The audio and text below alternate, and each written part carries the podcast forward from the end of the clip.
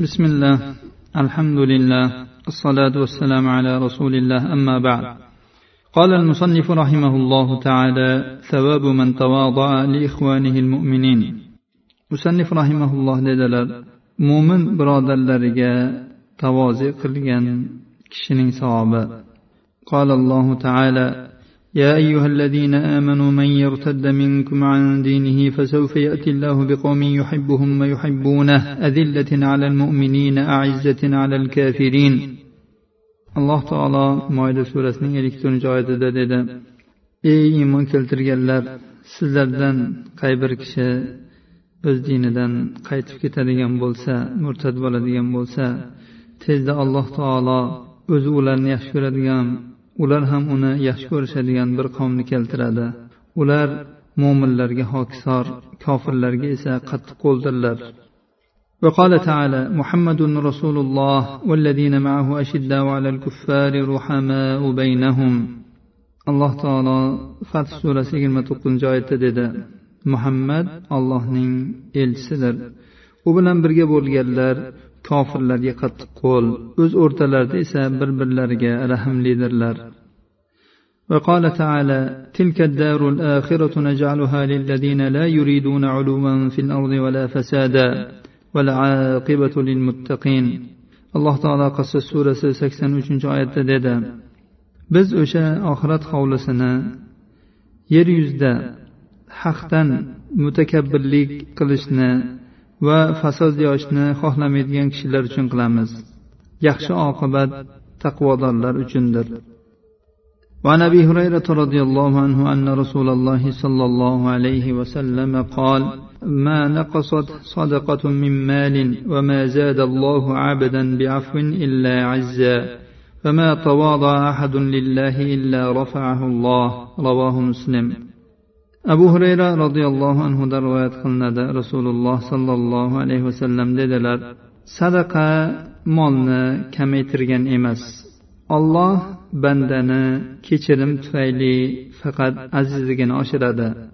biron kishi olloh uchun tavozu qiladigan bo'lsa albatta uni alloh taolo ko'taradi imom muslim rivoyatlari وعن عمر بن الخطاب رضي الله عنه لا أعلمه إلا رفعه قال يقول الله تبارك وتعالى من تواضع لي هكذا وجعل يدير باطن كفه إلى الأرض وأدناها رفعته هكذا وجعل باطن كفه إلى السماء ورفعها نحو السماء. رواه أحمد والبزار ورجالهما رجال الصحيح. بن الخطاب رضي الله عنه دان رواية قلنا u kishi bu hadisni rasululloh sollallohu alayhi vasallamdan eshitgan ekanligini aytib dedilar. Alloh subhanahu va taolo aytadi kim menga mana shunday tavozu qilsa umar roziyallohu anhu kaftlarini ichki tomonni yerga qarata pastga qildilar. Men uni mana shunday qilib ko'taraman dedi alloh taolo ya'ni u zot kaftlarini osmonga qaratib ko'tardilar. ya'ni kim tavozu qilib past kelsa alloh taolo uni yuqoriga ko'taradi ushbu hadisga sahih targ'ib va tarhibda ikki ming sakkiz yuz to'qson to'rtinchi raqam ostida sahih deb hukm qilingan وعن ابن عباس رضي الله عنهما عن رسول الله صلى الله عليه وسلم قال ما من آدمي إلا في رأسه حكمة بيد ملك فإذا تواضع قيل للملك ارفع حكمته وإذا تكبر قيل للملك ضع حكمته رواه التبراني ibn abbos roziyallohu anhudan rivoyat qilinadi rasululloh sollallohu alayhi vasallam dedilar har bir odamning boshida bir farishta tutib turadigan jilov bo'ladi agar u odam tavoze qilsa farishtaga aytiladi uni jilovini ko'tar Agar u takabburlik qiladigan bo'lsa farishtaga aytiladi. Uning jilovini tushir. Tabaroniy rivoyatlari. Ushbu hadisga sahih targ'ib va tarhibda ikki ming sakkiz yuz to'qson beshinchi raqam ostida hasanun g'ayrihi deb hukm qilingan. Ya'ni hakamatun deb o'zi aslida suvliq ya'ni yuganni otni og'zini ichida turadigan temir qismiga aytiladi. ya'ni umumiy suratda buni jilov deb tarjima qilindi. Savabul hilmi va kazmil halimlik kechirim va g'azabni yutishning savobi. Alloh subhanahu va taolo oli imron surasi bir yuz o'ttiz oltinchi oyatida dedi. G'azablarni yutadigan odamlarni qilgan xato ishlarini kechiradigan kishilar mana shunday ishlarni qiladigan muhsin kishilarni alloh taolo yaxshi ko'radi. Va ular noloyiq ishlarni qilib qo'ysalar yoki gunohlar qilish bilan o'z jonlariga zulm qilsalar darhol alloh taoloni eslashadi va gunohlarini kechirish uchun alloh taologa istig'for aytadilar. Gunohlarni faqat alloh taologina kechiradi va ular bila turib qilayotgan gunoh ishlarida davom etmaydilar. Ana ularning mukofotlari robbilari tomonidan bo'lgan mag'firat va ostlaridan anhorlar oqib turadigan va ular unda abadiy qolishadigan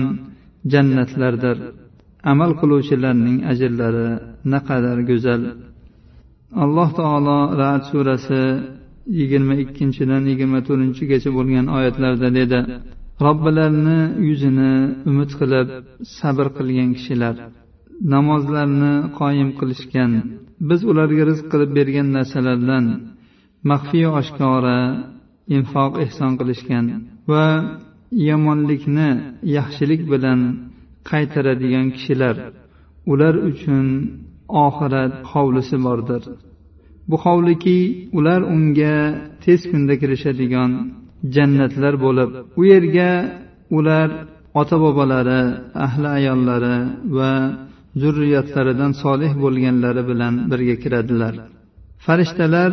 ularga har bir eshikdan kirib shunday deydilar dunyo hayotida qilgan sabrlaringiz tufayli sizlarga tinchlik osoyishtalik bo'lur oxirat hovlisi naqadar yaxshi joy وقال تعالى والذين يجتنبون كبائر الإثم والفواحش وإذا ما غضبوا هم يغفرون alloh taolo shuro surasi o'ttiz yettinchi oyatda dedi alloh taolo qaytargan katta gunohlardan va munkar yomon ishlardan chetlanadigan kishilar va birovlarning qilgan yomonliklaridan g'azablari kelgan paytda kechiradigan kishilar وقال تعالى وإن تعفوا وتصفحوا وتغفروا فإن الله غفور رحيم alloh taolo dedi agar sizlar afu qilsanglar kechirsanglar va ularning gunohlarini sadr qilsangizlar alloh taolo gunohlarni kechiruvchi g'afur va rahmli zotdir وقال تعالى ادفع بالتي هي أحسن فإذا الذي بينك وبينه عداوة كأنه ولي حميم وما يلقاها إلا الذين صبروا وما يلقاها إلا ذو حظ عظيم alloh taolo fussilat surasi o'ttiz to'rt o'ttiz beshinchi oyatlarda dedi siz yomonlikni yaxshilik bilan daf qiling shunday qilsangiz banogoh siz bilan uning o'rtasida adovat bo'lgan kishi qaynoq sodiq do'stga aylanib qolasizlar bu martabaga faqat sabr qilganlargina erishadilar bu martabaga ulug' nasiba egasigina erishadi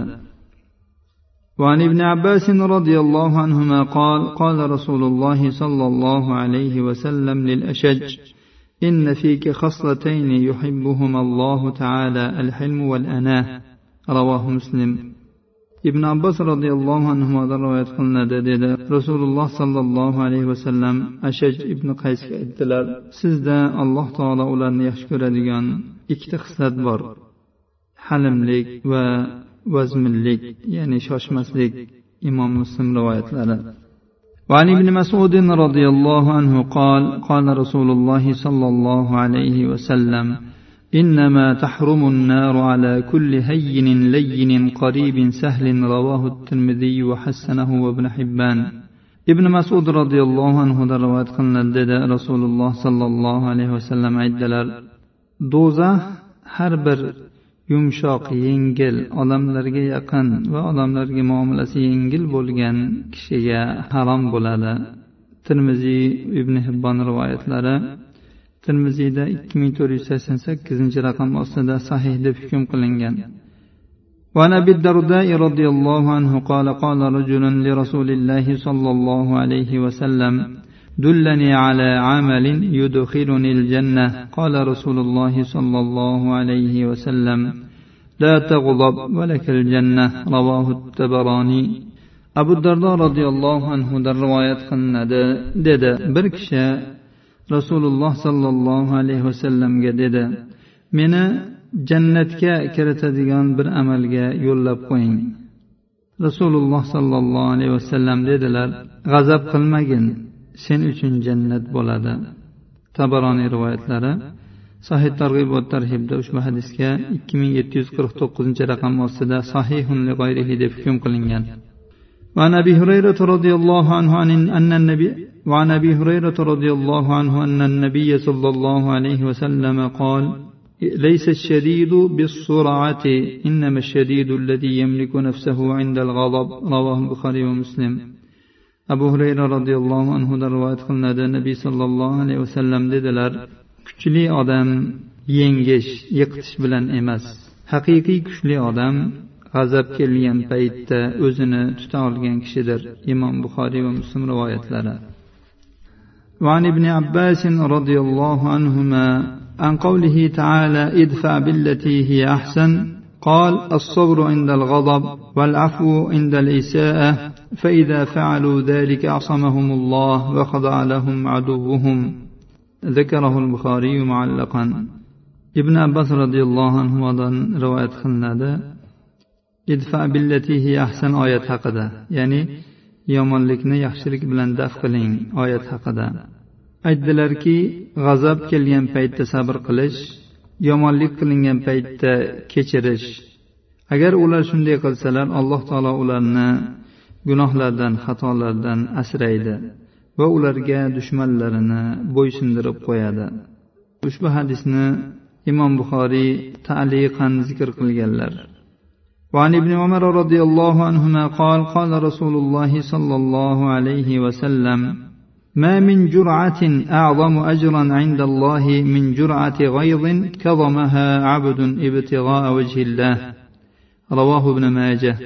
ibn umar roziyallohu anhudan rivoyat qilinadi dedi. Rasululloh sollallohu alayhi vasallam aytdilar alloh taolo oldida banda ollohning yuzini umid qilib yutgan g'azab yutumidan ko'ra ajri kattaroq biron yutum yo'qdir. G'azabini olloh uchun yutgan odamni mana shu yutumi eng katta ajrli yutum ekan. Ushbu hadis sunan ibn mojada to'rt ming bir yuz sakson to'qqizinchi raqam ostida rivoyat qilingan va sahih deb hukm qilingan وعن ابن مرحوم عن سهل بن معاذ عن أبيه رضي الله عنه أن رسول الله صلى الله عليه وسلم قال من كظم غيظا وهو قادر على أن ينفذه دعاه الله على رؤوس الخلائق يوم القيامة حتى يخيره من الحور العين ما شاء رواه أبو داود وابن ماجه والترمذي وقال حديث حسن ibn marhum sahl ibn muazzdan u otasidan roziyallohu anhu rivoyat qilgan rasululloh sollallohu alayhi vasallam dedilar